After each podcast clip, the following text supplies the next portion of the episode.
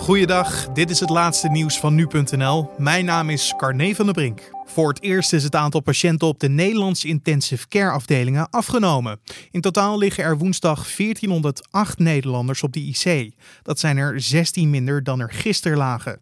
Dat maakte voorzitter Ernst Kuipers van het landelijk netwerk Acute Zorg bekend. De daling duidt er volgens Kuipers op dat veel patiënten inmiddels naar een reguliere verpleegafdeling zijn verplaatst. Wel zijn er meer nieuwe sterfgevallen in Nederland, 147 op precies te zijn. Het aantal ziekenhuisopnames lijkt nog wel steeds af te vlakken, zo meldt het RIVM in de dagelijkse update.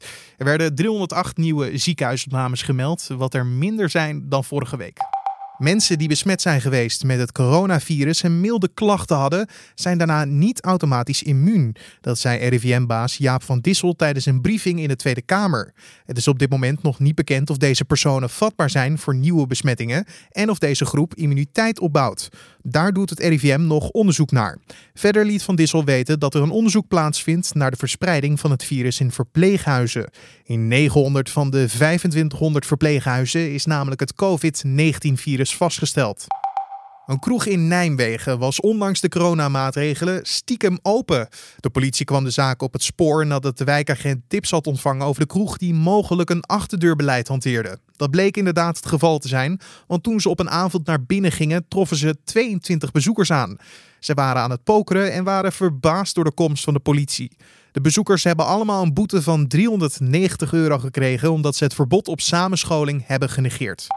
Om de rust in de politieke partij Denk te laten wederkeren, moet er volgens fractievoorzitter Farid Azarkan een nieuw interimbestuur aantreden. Daarom heeft hij het bestuur van de partij gevraagd af te treden. Dat zei hij woensdag in gesprek met de NOS. Azarkan richt zich naar eigen zeggen op het herstel van vertrouwen en het brengen van rust en verbinding in de partij. Want voormalig Denk-fractievoorzitter Kuzu beschuldigt medeoprichter en Tweede Kamerlid Usturk ervan meegewerkt te hebben aan de onthulling van vorige week, waaruit bleek dat Kuzu een grensoverschrijdende relatie met een medewerker zou hebben gehad. Hij omschreef het zelf als een politieke broedermoordaanslag. En tot zover de nieuwsupdate van nu.nl.